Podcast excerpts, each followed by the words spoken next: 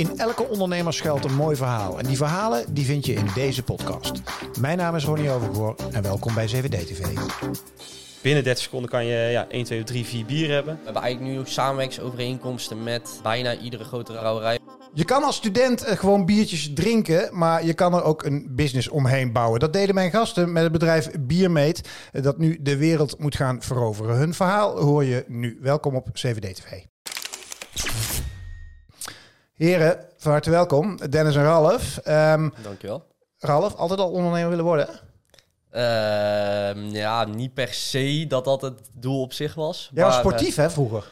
We waren eh, ja, zeker sportief inderdaad. Basketballen was, eh, Ja, was eigenlijk meer het ding waar we mee bezig waren. Maar toen ik eh, op een gegeven moment zag dat daar in de Nederlandse eredivisie niet heel veel geld in te verdienen was. en de, de, de kroeg toen ik 15, 16 eh, jaar was en het bier in beeld kwam en het feestjes. Toen werden mijn interesses wel verschoven van Ja. topsport naar, naar andere Ja, dingen. dat is geen combi, hè? Nee, maar je zat op redelijk hoog niveau, toch, met basketbal? Ja, wij, eh, ja, beide eigenlijk. We zaten Oh, toen al, ja, we zaten bij Toen elkaar jullie elkaar ook al? Ja, ja, elkaar van, ja. de, van de basketbalclub. Ja, ik denk dat we hoeveel oud waren? 6, 7? team. Ja. 6, 7 jaar voor het eerst eh, als broekjes bij elkaar. En eh, daar de vriendschap ontstaan. En ja, dus daar kennen we elkaar van. En toen ja, tot het hoogste niveau denk ik al Eredivisie in de jeugd eh Ja, tweede, gespeeld. tweede van Nederland geworden. Ah. Ja. Maar ja, dat basketbal. Nou, als je in Amerika was doorgebroken, dan valt er wel meer geld mee te verdienen, toch? Daar, daar wel, maar die, die centimeters hadden wij niet echt. eh, nee, misschien moet het langer zijn. Hey, luister eens, ehm, eh, het ontstaan van eh Biermeet. Er zijn meer mensen bij betrokken, toch? Bij dat, eh, want ik, ik, Ja. ik lees over vrienden en zo. Kun je vertellen hoe het ontstaan is? Ja, eigenlijk hoe het, eh, hoe het ontstaan is. Dus eh, vanaf mijn zestiende was, was ik eh, ja, zeer geïnteresseerd in ondernemen. Eh, begonnen met feesten organiseren op een gegeven moment zelf. Eh, tot op, een gegeven moment eh, de opleiding eh, Business Innovation ben gaan volgen. Daar eigenlijk Dennis ook weer tegengekomen op de, op de opleiding. En vanuit de combinatie van het organiseren van evenementen, daar een evenementenbureau omheen gebouwd. In combinatie met de opleiding Business Innovation. waarin wij samen toen een opdracht deden voor een groot evenementenbureau. Ja. Een innovatieopdracht waarin we eigenlijk het landschap van een evenement wilden gaan innoveren. En toen kwamen we eigenlijk op het idee van, nou, hè, die bar in de huidige situatie staan heel veel mensen achter. Het is heel veel handling, management, kosten. Eh, waarom kan dat niet beter? Waarom kan dat niet efficiënter? Aan de andere kant staan er mensen in de rij. Ja. Eh, we, we zijn heel veel bezig met automatisering, digitalisering, robotisering. Waarom gaat dat niet anders dan dat dat nu is? Ja. En eigenlijk toen dat gaan onderzoeken, eh, toen uiteindelijk ben ik daar zelf mee verder gegaan, mee afgestudeerd, subsidie mee binnengehaald. En dat heeft eigenlijk wel voor een vliegwiel gezorgd. Heet je Eh, toen al Biermeet? toen nog niet. Nee, toen was het, het is gewoon begonnen eigenlijk als eh, de festival drankautomaat.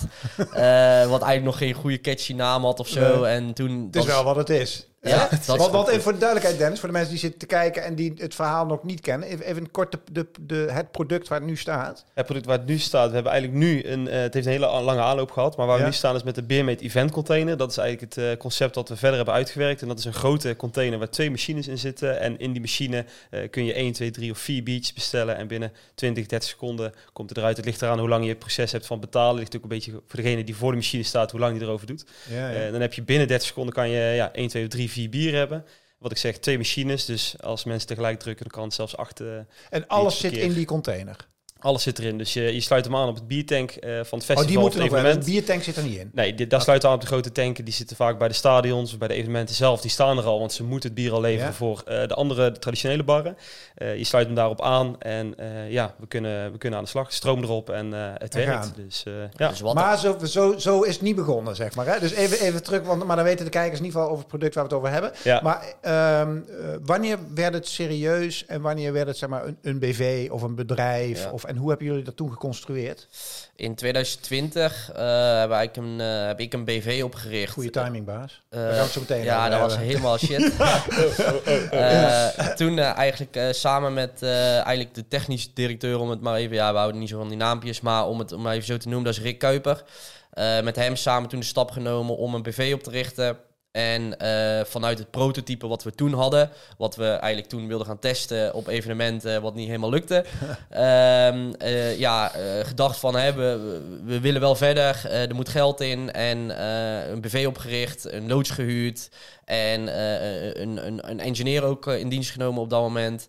En het, het moment dat het ja, eigenlijk. Eh, heel moeilijk werd, was dat toen het geld opraakte. eh, maar ook op, dat was ook hetzelfde moment dat ik onze huidige partner leerde kennen, eh, Marijn Venmans. En eigenlijk op het moment dat we alles in de koelkast moesten zetten, tegelijkertijd begon hij er weer geld in te stoppen. Dus we hebben het uit de koelkast gehaald. En is hij begonnen met investeren, waardoor we verder konden.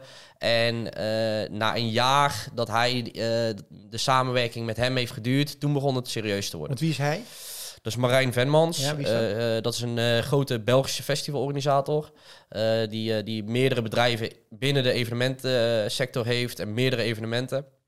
En ook veel bezig is met, eh, met innovatie en, eh, en eh, ja, creatieve ondernemer eigenlijk. Interessant duiven op in, want even, want ik hoor jou zeggen, de technische man en jij zijn begonnen. Ja. Eh, die Belgen is erin gestapt. Dennis zit naast jou. Hoe ben jij in beeld? Want jij bent niet zomaar in dienst, toch? Je bent, par, je bent ook mede-ondernemer. Uiteindelijk nu? inderdaad ben ik een stukje meer ingestapt. Eh, het kwam eigenlijk een jaar geleden, nou, bijna drie kwart jaar geleden, zat ik met Ralf op een beurs in eh, Frankrijk. Eh, Ja. Toen vroeg Ralf van, hey, kun je meehelpen? Ik heb handjes tekort. Ja. Eh, en daar begon het bolletje eigenlijk weer te rollen van, hey, eh, ja, kan je goed de gebruiken? Iemand die strategisch, commercieel, operationeel kan meedenken. We hebben, zoals Ralf net zei, eerder ondernomen met elkaar. We hadden ons eigen evenementenbureau, eh students events. Waar we denk ik 100 evenementen en een aantal festivals eh, samen hebben eh, gedaan. En eigenlijk in die ondernemerskracht die we samen hadden, zeiden van nou, kan je wel weer goed erbij gebruiken als soort, ja, die weer naast me staat om mee in de dagdagelijkse operatie, ja, meest de beer mee groot te gaan maken. En je bent ook aandeelhouder nu. Ja, dus in het eh, stukje Future Movement, dat is eigenlijk het, eh, het, ja, het clubje waar de engineers, waar Ralf het al over had net, eh, ja, die zijn samen eigenlijk met de Nederlandse BV. Eh, en dat is eigenlijk ontstaan om, ja, wat je net zei, met Rick die daar eh, is gestart. En eh, daar ben ik een stukje in geparticipeerd om samen met dat het soort foundersclubje te hebben die eh, ja, dagdagelijks mee bezig zijn, eh, ja, de mee groot te maken. Even, want ik vind het wel interessant, omdat er veel jonge mensen kijken naar eh, eh, 7D-TV. Dat met name dit, eh, kunnen we dit eens even, ik verzin het nu, maar ik vind het leuk om even heel concreet uit te diepen, want hier gaan dingen vaak mis. Ja. Eh, kun je eens uitleggen hoe, want jij bent begonnen met die technische man, dat is een, een BV'tje 50-50 of zo. Nee, daar was, ik- daar wa- was ik eh 85% aandeelhouder in en hij 15%. En- Oké, en daar zat Ja. eigen geld in, Ja. maar voornamelijk van jou. ja, dat was mijn geld. Was dat veel? Of dan Ja, over? Is dat- we een paar duizenden. Oké, dus niet zoveel, Nee, maar wel is- voor, voor een... Op die leeftijd voor mij Precies. was dat wel... eh, ja. ja. heel veel biertjes. Zeg Ja. maar. ja. Eh, toen kwam die Belg, eh, die Belgische ondernemer, die kwam aan boord. Ja. Heeft hij zich in, heeft hij, is die ook aandeelhouder geworden? Op dat moment heeft hij gezegd eh, van laten we eerst gaan samenwerken. Ja. Eh, en eh, ik ga je eerst gewoon geld lenen, want ik wil niet met jou nu hier aan tafel gaan zitten, de, de taart opdelen en dan misschien er over drie maanden achterkomen dat het toch niks is. Dus de manier hoe hij dat heeft aangepakt. en daar hebben we toen ook een, een, een coach van hem, waar ik uiteindelijk ook een coaching traject, die heeft dat, dat ook begeleid. Eh, wat uit, ja, achteraf gezien is dat heel goed gegaan. En toen hebben we eigenlijk een jaar samengewerkt. En toen hij er op een gegeven moment een, een substantieel bedrag in had zitten, toen zei hij van Ralf, nu moeten we wel rond de tafel. En nu, en toen hebben we uiteindelijk gezegd van oké, we richten een nieuwe Belgische BV op. Vandaar eh, de Belgische BV. Ja. Ehm, eh, waar we eigenlijk het handelsfonds, het concept eh, vanuit de Nederlandse BV Future Movement verkopen eh, aan die Belgische BV. IP Het IP, ja. En, ehm, eh, en, en ja, we hebben dus een nieuwe BV opgericht waar hij met zijn BV-aandeelhouder en ik, Ah, of en wij met onze. BV 50-50 aandeelhouder. eh, Want dit, worden. hier gaat vaak heel veel, eh, zeg maar, aan de ene kant zie je dan vaak dat dit soort investeringen, wat dat betreft heeft hij het volgens mij, klinkt het netjes gedaan, ook met jullie. Eh, maar je ziet ook wel eens van jonge ondernemers starten net, hebben nog niks, er stapt een investeerder in, die pakt meteen een waanzinnig groot stuk van de aandelen. En dan na drie jaar hebben jullie waanzinnig succes. En dan denk je, fuck, hadden we in het begin maar niet zoveel weggegeven. Als jij nu terugkijkt hè, naar de constructie zoals die dan nu staat en hoe die tot stand is gekomen, ben je daar blij mee? Eh, klopt dat allemaal? nu gaandeweg we meer eh, kennis hebben van hoe die, ja, hoe die wereld in elkaar zit, eh, zou ik het misschien qua percentages ja, proberen wel wat meer bij onszelf te houden. Ja. Maar aan de andere kant, ik ben me wel bewust van de business die wij doen. zeer kapitaalintensief. Ja. Een, een- ja, een markt die niet heel groot is. Tenminste, er zijn een paar spelers die de, met de scepter zwaaien. En ehm, eh, ja, eh, we zaten in een coronatijd waarin er ook niet heel veel te willen was op dat moment. Dus als hij er niet was geweest en als hij er op dat moment Dan was geen tijd Biermeter niet meer geweest. Plus hij heeft er ook heel veel tijd ingestoken. En Ja. niet alleen geld, maar ook echt mee zelf Ja. gewoon. En ehm, ja, we hebben op dat moment veel moeten delen. Maar als, dat, als we dat niet hadden gedaan, ja, dan hadden wij denk ik hier niet, ook niet gezeten. Mhm. Wat is de rolverdeling? Zeg maar, wat, wat, wat is jouw rol met name? Nou, waar wij vooral nu met z'n tweeën in zitten, is het operationele, het commerciële en het financiële. En eh, de andere drie jongens die dan in Future Movement zitten, die zijn echt dagdagelijks bezig met de engineering. Dus zo Dat proberen is die te- Nederlandse BV, die Future Movements. Ja, precies. Dus het IP eigenlijk zit in die Belgische BV. Ja. En, en En de uitvoering, ligt bij eh, ja, de Nederlandse BV Future Movement. Oké. En eh, ja, wat ik al zei, operationeel, financieel en commercieel. Dus we zijn nu, eh, ja, dadelijk gaan we naar FC Twente toe om daar een commercieel gesprek te voeren. Ja. Maar dadelijk in de auto hebben we weer een call met een financieel adviseur met de vraag hoe gaan we de juiste financiering aanpakken voor 2024. Eh, en ook operationeel zorgen, dat heb ik ook al veel naar me toe getrokken, de juiste projectmanagement tooling ingericht. Eh, zorgen dat de jongens weten hoe ze per ticket eh, wat moeten gaan doen. Zorgen dat daar een ritme in komt, een Ja. soort sprintritme. Eh, het is natuurlijk elke keer weer kijken van, oké, wat is de beste oplossing nu voor de engineering eh, Ja. om te maken, zeg maar, qua stap.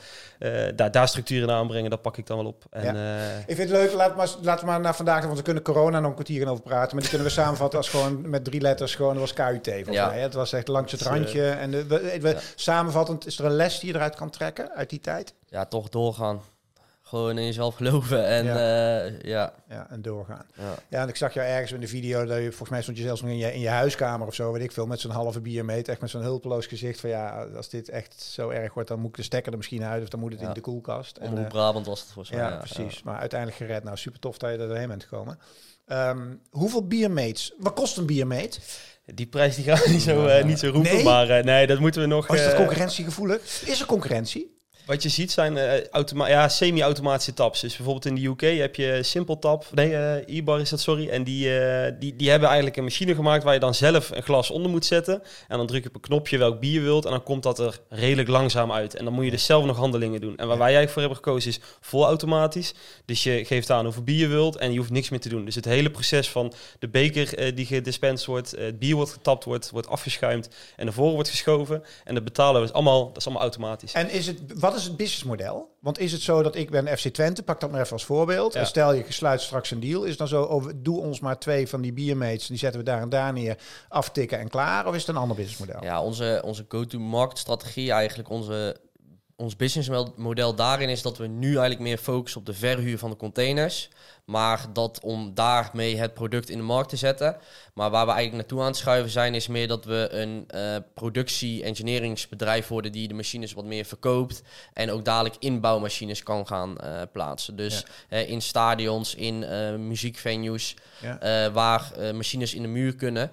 Eh, en, dat, en dan gaan we meer richting model op lease of, of, of op verkoop. Ja. Eh, terwijl we nu eigenlijk meer bezig zijn met, eh, eh, met de machine naar de plekken pro- toe gaan. het- Projectbasis bijna. ja, om het, Ja. om het te laten zien dat het werkt en, en daar eigenlijk tractie eh, te Want creëren. hoe werkt het? Want ik zit dan meteen te denken, oké, het is natuurlijk wel een product waarvan ik denk, de doelgroep is challenging. Want op een gegeven moment zijn ze starnakeldronken, die gaan dat ding challengen, die flikkeren er bier in en weet ik, hoe idiotproof is dat ding? Ja, dat is wel een leuke aanlooproute, denk ik, als je kijkt naar alle prototypes die zijn Ja. ontwikkeld. Eh, de eerste die we hadden gemaakt, die is ook al een keer, een keer kapot gegaan. En toen is ook besloten, hij moet gewoon in een hele stevige container gemaakt worden, die echt hufter en ja. drunkproof is. En ja, dat, ik denk dat dat een van de grootste stappen is geweest, waardoor we nu kunnen zeggen, je kan hem op een evenement ja, relatief makkelijk plaatsen, gewoon hup, neerzetten en aansluiten. Eh, en, en ja, door die, dat die container en die behuizing zo stevig is gemaakt, is dat ja, ondertussen wel redelijk hufteproof geworden. Maar de, de, de, de prototypes zijn gesloopt, om even zo eh, te Ja, zeggen. ja, ja. ja. Dat Want, is want, echt, want eh, het, het is zo dat er de be- zijn plastic bekers of zo. Ja, het is harde of zachte plastic eh Oké, ja. en die, die stel en dan heb ik gewoon, ik geloof dat er zitten knoppen op Ja, of je, zo. je hebt een beeldscherm Ja? en daar tik je op aan, eigenlijk een beetje McDonald's-achtig, Ja, ja, ja. hoeveel, hoeveel biertjes je wilt. Eh, en dan de volgende stap is dat je, de, je betaalt bij de ta- betaalterminal. We hebben ook een QR-code. die zit er ook in. Ja, een QR-code scanner zit er ook in. Dus dat je bij wijze van spreken al van tevoren op je, op je telefoon bestelt. Dan hou je je telefoon ervoor, scant de QR-code, de machine. En dan hoef je eigenlijk helemaal niks meer aan te tikken. Dan is er ook al betaald. Eh, waar we ook nu mee bezig zijn, zijn betaalintegraties met bijvoorbeeld een Tomorrowland met het bandje. Dat, eh, nou ja, zo heb je allerlei... Die zit er ook in, toch? Tomorrowland las ik. De, wat is het? Ja. Want er zit inmiddels meer. Hoeveel financiën, hoeveel geld zit er al in? We hebben op dit moment eigenlijk afgelopen eh, jaar in 2023 hebben we een investeringsronde gedaan. eh, waarin eigenlijk eh, Michiel Beers, de eigenaar van Tomorrowland Ja. en de Sportgroep zijn geparticipeerd. Sportgroep is een, een, een, een- ja, eigenlijk een overkoepelende organisatie waar meerdere evenementbedrijven onder hangen uit, uit Amsterdam, uit Zaandam. Ja. En ehm, ja, die twee partijen die zijn dus afgelopen jaar geparticipeerd. En mede daardoor hebben we ook andere invest- eh, financierders eigenlijk weten te overtuigen om, eh, om geld aan ons te De verstrekken. glas is dan 1,4 miljoen zoiets Ja. dat er nu in zit. Oké. Ja. En hoeveel, kun je iets zeggen van de schaalgrootte wat je, wat je operationeel nu doet? Ik bedoel, ik hoef Ja, geen cijfers hoor, maar eh, hoeveel biermeet je wegzet, hoeveel projecten je doet, je hoeveel, het zo ziet, zijn hoeveel we... biertjes er worden getapt. Ja, dat zijn wel leuk. eh, vorig jaar stonden we met twee containers. We zijn nu naar acht containers gegaan. Dus eigenlijk al ja, flinke groei daarin gemaakt. Eh, en we hebben de ambitie eigenlijk om van ja, steeds te, te verdubbelen van 16 naar 48. Maar we zitten nu dus al te kijken naar ons businessmodel. Wat Ralf net zei, moeten we niet gaan verkopen. Dus in principe moeten we die groei van productie in de containers wel gaan maken. Alleen of we ze allemaal gaan verhuren of gaan verkopen, dat, ja, dat moet zich gaan uitwijzen welk businessmodel het beste gaat werken. In dat opzicht, dat maakt het ook leuk aan de start-up. Je bent continu jezelf aan het challengen van eh, wat werkt het beste voor ons? Eh, wat is de klant? Wat is de vraag van de klant? Wilt hij Ja. hem inbouwen? Wilt hij hem toch eh, ja, model ja, kunnen plaatsen en weer kunnen weghalen? Eh, maar in principe zijn we van 2 naar 8 gegaan en daar gaan we nu de evenementenmarkt eh, mee op voor Hey, aankomend en, en maken jullie dat ding, hoe wordt zo'n ding gemaakt? Doen jullie dat zelf of heb je dan een, ergens een productie? Want dat, is- dat- Ja. je had geen voorbeeld of zo. Je moest dat ding helemaal zelf eh Nee. zeg maar, designen. Ja, dus echt het engineeren, dat, eh, dat doen we in-house. Eh, en dan hebben we eigenlijk de productie, eh, hebben we drie grote partners met heel veel toeleveranciers. Ja. Eén grote partner is zeg maar de partij die eh, de container maakt. Dan hebben we eigenlijk VDL, dat is een hele bekende, die Ja. eigenlijk de machine, de kern van de machine assembleert. Eh, die schuiven we in de container. En als laatste hebben we eigenlijk het stukje biertechniek, wat er dan nog aan toe wordt gevoegd met de koelinstallaties eh en bierleidingen. Dat samen maakt eigenlijk eh, het product, waarin wij zelf eigenlijk wel de lead hebben in de, in, de, in de productie, maar niet uiteindelijk echt zelf assembleren. Is het te patenteren, dit product? We hebben op dit moment geen eh, patenten. Nee. Eh, wij zijn nog wel daarmee bezig om te onderzoeken van eh, kunnen we niet wat patenteren. Maar we, we sorteren wel voor op dat we eigenlijk zorgen dat, we, ja, dat wij de Coca-Cola worden. Dat wij Ja. de speler in de markt worden. Want een, het, het, de samenstelling van de, van de technieken die we gebruiken, dat is niet te patenteren op, op zichzelf. Nee. De onderdelen die in de machine zitten, dus eh, ja, unieke onderdelen, die zijn wel weer eh, eventueel te patenteren. Omdat we die zelf hebben, die de engineers zelf hebben bedacht. Dus Ja. dat is dan weer een specifiek onderdeeltje wat dan nodig was om het te laten werken. Dat zou kunnen. Ja. Maar het is ook niet, ja, een patentstrategie is nu dus inderdaad niet. Want als je het wel gaat doen, dan moet je het ook gaan publiceren en dan komt het ook weer Ja. wel bekend. En dat en ook het weer vertraagt misschien ook de groei. Ik bedoel, je Het moet gewoon vertraagt en het is ook gewoon de heel- autoriteit wordt eh, in, Ja, in de markt. En, duur traject. Dus ja, en dit is dan het Coca-Cola recept wat het geheim is of zo, zeg maar, hoe dat ding precies in zijn totaliteit eh, is Ja, opgebouwd. wat er Ja. aan de binnenkant gebeurt. ja. Hoeveel mensen hebben jullie? Hebben jullie hoeveel mensen hebben jullie in dienst nu? Op dit moment staan er eh, ongeveer 11 man eh, fulltime en parttime echt op de, op de loonlijst. Eh, en dan nog een paar freelancers eromheen met ook, eh, wat we nu eigenlijk de afgelopen half jaar hebben we ook twee seniors eh, freelancers aan boord gehaald. Die eigenlijk de engineeringsafdeling eh, een stukje challengen en eh, ja, eigenlijk adviseren ook om, eh, en begeleiden. Hoe bevalt het om, want het moment dat je zeg maar miljoen plus aan geld naar binnen harkt, dan zijn dat vaak mensen die willen daar ook wat voor terug en die gaan zich er tegenaan bemoeien. Dus je, Ja. je, je, zit, je zit in een soort tussenfase van, van start-up naar scale-up misschien wel. Of dat zal in ieder geval de ambitie zijn, denk ik, Ja. om hard te gaan scalen. Ja. Hoe, hoe bevalt dat? Hoe is dat? Ja, daar zitten, we zitten eigenlijk nu, as we speak, zitten we daar middenin. Dus dat is wel leuk om te benoemen. Eh, het is wel heel belangrijk dat de aandeelhouders betrokken laten worden bij ja, de- je uitdagingen. eh, maar ook de communicatie daarin. En ook ja, toch wel elke keer zorgen dat de cijfers op orde zijn. En eh, dat is challenging. Want de ene dag zijn de cijfers zo. En de andere dag moet er weer een uitgave gedaan worden om de machine te verbeteren. En dan moet je daar wel weer over, ja, keuzes over gaan maken. Het belangrijkste is gewoon transparant blijven en goed communiceren met de aandeelhouders. En dat, ja, zorgen dat dat goed gebeurt. Dus, maar dat is wel challenging, ja. Ja. En als we kijken naar groei, hè, wie, wat zijn dan allemaal potentiële klanten? Ga eens even uit van zo'n verkoopstrategie. Hè? Of je het dan least of zelt of whatever. Mhm. Zijn, de voetbalclubs lijkt me duidelijk. Festivals, zijn er nog meer? Ja. Waar moet ik dan nog Ja, eigenlijk denken? cateraars. Dus die Ja. de catering doen voor evenementen, voor meerdere evenementen. Ehm, brouwerijen in het buitenland. Eh, brouwerijen in, in, in Nederland eventueel ook. Hebben die al aangeklopt, zeg maar, de grote... Ja, we hebben, we hebben wel. eh, ja, we hebben eigenlijk nu ook samenwerkingsovereenkomsten met eh, bijna iedere grote rou- brouwerij wel. Om zeg maar een, een afspraak te hebben van hè, als we komende zomer de machines inzetten bij de evenementen en er zit een bepaalde branding op van eh, die brouwerij. Nou, daar zijn ze ook bereid voor wat, eh, wat te betalen. De bezoeker op het evenement die hecht zeg maar bepaalde waarde aan die brouwerij van oh cool dat zij zo'n machine voor ons neerzetten. Ja, dat, dat Beermate dan op zich niet zo heel bekend is, dat is voor ons iets minder belangrijk. Ja. Want uiteindelijk eh, is de organisator onze, onze klant en zijn dat de gebruikers. En ja, de brouwerij is wel be- bereid om daar geld voor te betalen, omdat ze de waarde aan de brouwerij hechten. Dat lijkt me het makkelijk, strategisch, hè? hoe je dit zeg maar, positioneert, hoe je, Ja. hoe je het gaat branden, eh, wat wordt de rol van het merk Biermate, eh, hoe ga je om met brouwerijen. Met, lastig hè? Of lastig, de, spannend om dat uit te zoeken. Ja, dat is eh, de uitdaging. Maar dat is wel het leuke met de brouwerij aan tafel zitten. Want die hebben het eigen, hetzelfde belang als jou. Je wilt zoveel mogelijk bier gaan verkopen Ja. op een festival. En eh, hun hebben ook baat bij dat het product bier gewoon nog beter op de markt wordt gezet op een evenement. Ja. Omdat je ziet dat steeds afnemen op evenementen. De steltjes en al die hippe drankjes, die nemen steeds groter marktaandeel. Ja. Dus ook de brouwers zitten te denken van... hey, hoe kan ik nou op een bepaalde innovatieve manier het bier beter gaan aan de man brengen? Nou, en daar is dan natuurlijk een, een beermeet is natuurlijk wel het, het materiaal, zeg maar... om je bier eh, op een le- hele toffe en goede manier aan de man te brengen. Zit er maar één biersoort in zo'n Biermate? En nu wel. wel, ja. Maar eh, ja, je kunt in principe wel dadelijk zeggen... één container, daar zit eh 0,0 ja, 0,0 bijvoorbeeld. en Ja. op de andere zit wel met alcohol. Dus er is daar per container kun je daarin variëren. En, en ik kan me ook nog voorstellen dat je naar een soort eh, small en, en, en medium en large size Biermate toe gaat. Je kan aan alle kanten, kun je natuurlijk... Hoe moeilijk is het om te focussen? hè? Ik, zei, ik, ben- Ja, word nou. nu al, ik zit nu al aan, aan duizend ideeën te Het concept, eh, de Beermate One, die ligt al eh, eigenlijk eh, in principe uitgetekend eh, op tafel. Alleen eh, ja, nu focus is nou belangrijk, de Beermate Event Container, om de markt op te gaan. Want dat, dat is makkelijk te implementeren op evenementen en bij Mm. stadions. Mhm. Maar de One en de Integrated, dat is dan degene die je in kan bouwen in de muur. Die, eh, ja, de concepten liggen er al, omdat ja, we zien daar ook kansen voor. Maar focus inderdaad, is wel eh, het belangrijkste nu. Hoe gaan jullie om met toch de spanning als ondernemer? Hè? Dat je, wat we net het begin al even over hadden, van aan de ene kant je hebt geld nodig, dus je moet met partners gaan werken, die willen de aandelen voor in terug. Maar je wilt tegelijkertijd ook zelf in charge blijven. Niet dat je straks over een paar jaar waanzinnig succesvol bent en je hebt zelf nog 3% van de aandelen, Ja. weet je wel. Hoe, hoe moeilijk is dat? Of hoe vind je dat lastig? Of?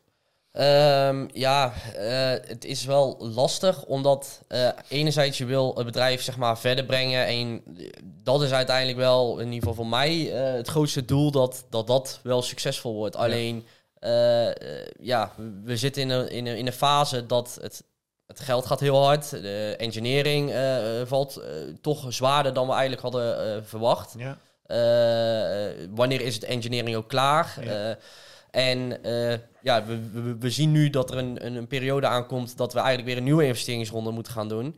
Terwijl aan de andere kant eh, willen we niet te veel verwateren. Ja. En ja, dat, dat, dat, is wel, eh, dat is wel uitdagend voor onszelf. En, en ja, Ja. En die kapitaalintensieve business, dat maakt het heel moeilijk. Heb je een softwareproduct, dan heb je server nodig en developers om het even helemaal plat te slaan. ja, het is Maar niet met- digitaal schaalbaar, zeg maar. Het is echt hardware en, en dat maakt het aan de andere kant ook weer zo uniek. eh, en aan de andere kant ook heel leuk, maar eh, ook heel erg uitdagend. En, en het, ja, het kapitaal wat je nodig hebt, dat, is, dat ligt hoog om, eh, Ja. ja. om het te engineeren. Want hoeveel hebben jullie nodig voor een volgende ronde? Dan praat je over meer dan 1,4 miljoen. ja, om, eh, ja richting, eh, ri- richting een miljoen om, eh, om de komende eh, periode door te komen. En dan is eigenlijk voor ons de stap dat we echt eh, nog een keer een Serie A willen doen om de wereld over te gaan. Ja, dat is wat mijn volgende vraag. Van, zijn jullie al internationaal actief?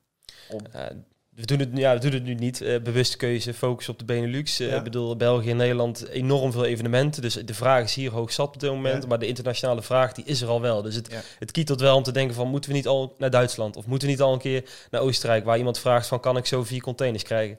Bewust niet doen, want je weet... dan maakt het voor jezelf nog moeilijker. Ja. Want dat kun je, krijg je gewoon niet gemanaged op dit moment. Maar ja, de vraag is wel en de ambitie absoluut. Dus het is Benelux, Europa en dan uiteindelijk wereldwijd willen. Eh, en de vraag is er ook al. Dus dat maakt het nog motiverender om ja, nog harder te schalen om uiteindelijk aan die vraag te kunnen voldoen. Ja. En dat, ja, dat, is wel, ja, dat zijn wel de interessante dingen. Ja. Heb je veel in je opleiding gehad? Ja, we zaten ja, altijd business innovation dan. Ik vond het wel, ik vond het uiteindelijk wel, het leerde je anders denken dan, het was ook een hele nieuwe opleiding. Die, die bestond pas een paar jaar vergeleken met alle opleidingen die er al jaren zitten, tientallen jaren. Het leerde je wel anders denken. En ik denk dat dat het leukste is, wel ja, het meest waardevolle wat ik eruit heb gehaald. Maar... De vrijheid voor, voor mij was daar in die opleiding dat ik dat zij stimuleerde om te ondernemen en bij je eigen bedrijf te kunnen afstuderen en dat soort dingen. dat wij, we organiseerden een evenement en dat we dat, dat we daar studiepunten voor kregen, omdat we daar dus veel, danig veel tijd mee kwijt waren. Nou, dat soort dingen stimuleerde mij heel erg om te ondernemen. En daar leerde ik zoveel van. Ja. Dat, uh, ja. En, en ik geloof er zelf ook heel erg in, als je dat al tijdens je studententijd doet, dat de stap om er dan direct mee door te gaan, uh, veel makkelijker is. In plaats van als je 28 bent en, en misschien al een klein hypotheekje hebt afgesloten of iets, om dan de stap te nemen. Ja. ja. Ja. ja, die hebben jullie nu al. Jullie hebben nu al een paar stappen uh, genomen. Trekken jullie de salaris uit? Zijn jullie daar gezond in? Of zitten jullie op een houtje te bijten? Of hoe werkt dat? Uh, sinds uh, afgelopen jaar, na de investeringsronde, hebben we inderdaad de eerste stap kunnen nemen om, om een, ja, een salaris. salaris ja, ja, Wat als je nou terugkijkt, hè, wat, was een, wat was een sleutelmoment voor jou? Ik denk, ik denk eigenlijk afgelopen jaar rond dezezelfde periode, ook in februari dat de intentieverklaring werd getekend door uh, de eigenaar van Tomorrowland. Dat hij er dusdanig veel geloof in had dat hij er een, uh, ja, een bedrag in wilde steken. Wat, uh, ja, waar we nu waar we eigenlijk zoveel balletjes heeft doen rollen. Ja, dat we uiteindelijk dat, ja, die 1,4 miljoen hebben kunnen ophalen. en, um, en dat we uiteindelijk ook op Tomorrowland hebben mogen draaien twee weekenden lang. Um, en gewoon het, überhaupt het, het, uh, het aanslaan van het concept afgelopen zomer. Mm -hmm. uh, dat, dat gewoon die alles enthousiasme wat daarbij kwam kijken, alle aandacht, alle impact die we daardoor hebben kunnen maken. Uh, aan de andere kant merken we nu wel dat je probeert je product altijd te testen bij je klanten. te vragen van hè, hoe uh, hoe kijk je er tegenaan? Wat wil je ervoor betalen? En dat je nu dan vorig jaar een pilot hebt kunnen doen en daar betaalden ze wel voor, maar dat het meer was van hè, zet maar neer en we kijken het even aan. En dat je nu eigenlijk bij ze terugkomt en zegt: Oké, gaan we het nu met acht containers doen in plaats van twee? En, dit, is nu de, en dit is nu de commerciële prijs die je moet. moet ja, dat je dan, uh, dat is nu eigenlijk een beetje de, de challenge die we nu hebben van: Oké, we moeten toch wel uh, eraan trekken en toch wel echt... Uh, dan komt sales om de hoek kijken, zeg Dan komt sales om de hoek kijken, inderdaad. Want zijn jullie goedkoper dan mannen, mannen en vrouwen neerzetten? Ja, als, als ik de berekening maak en je zet één, pak even simpel, een pagodetent neer met bar en materiaal erin en vier man personeel erachter. Als je dat uitrekent en je rekent dat tegenover de kosten van het huren van één BME Event container voor een dag, dan ligt het nagenoeg gelijk. Uh, en natuurlijk de ene festival, festivalorganisatie zegt van ja, maar mijn uh, personeel dat zijn vrijwilligers. Uh, en de andere zegt van ja, maar ik heb mijn tent al zelf een keer gekocht, dus die hoef ik niet nog een keer. dus het is een beetje een gemiddelde. maar dan zullen we daarin zeggen ja, we zitten toch wel redelijk gelijk op elkaar. En ja, wij pretenderen dat onze capaciteit ligt hoger. En alle voordelen dat je dus niet, personeel kan niet uitvallen. Het, het, werkt altijd door, zeg maar. en ook als het slecht weer is, je hebt geen risico, wat je wel met je met personeel en een tent en zo weer wel hebt. Dus ja, we zitten daarin wel in de, in de, qua, ja, qua pricing zitten we denk ik wel, wel scherp. Ja. ja. Ik wens jullie heel veel uh, succes, uh, mannen. En uh, leuk dat jullie waren om een beetje een inkijkje te geven in hoe jonge ondernemers vandaag de dag een prachtig bedrijf aan het bouwen zijn. Dus heel veel succes en, en leuk dat jullie er waren. Dankjewel voor de uitnodiging. Dankjewel. Ja, graag gedaan. En dankjewel voor het kijken naar weer een prachtig ondernemersverhaal van twee jonge ondernemers die de wereld gaan veroveren met Biermeet. En als je hebt zitten luisteren naar de podcast, ook super bedankt voor het luisteren. denk er ook aan, als je op YouTube zit en je vindt dit soort gesprekken tof, hieronder abonneren. Kan op de podcastkanaal ook. En stel nou je denkt van, hé hey, moet ik niet eens een keer op CVD-TV en zo? Check de mogelijkheden op cvdtv.nl slash samenwerken. Voor nu, dankjewel. Hoi!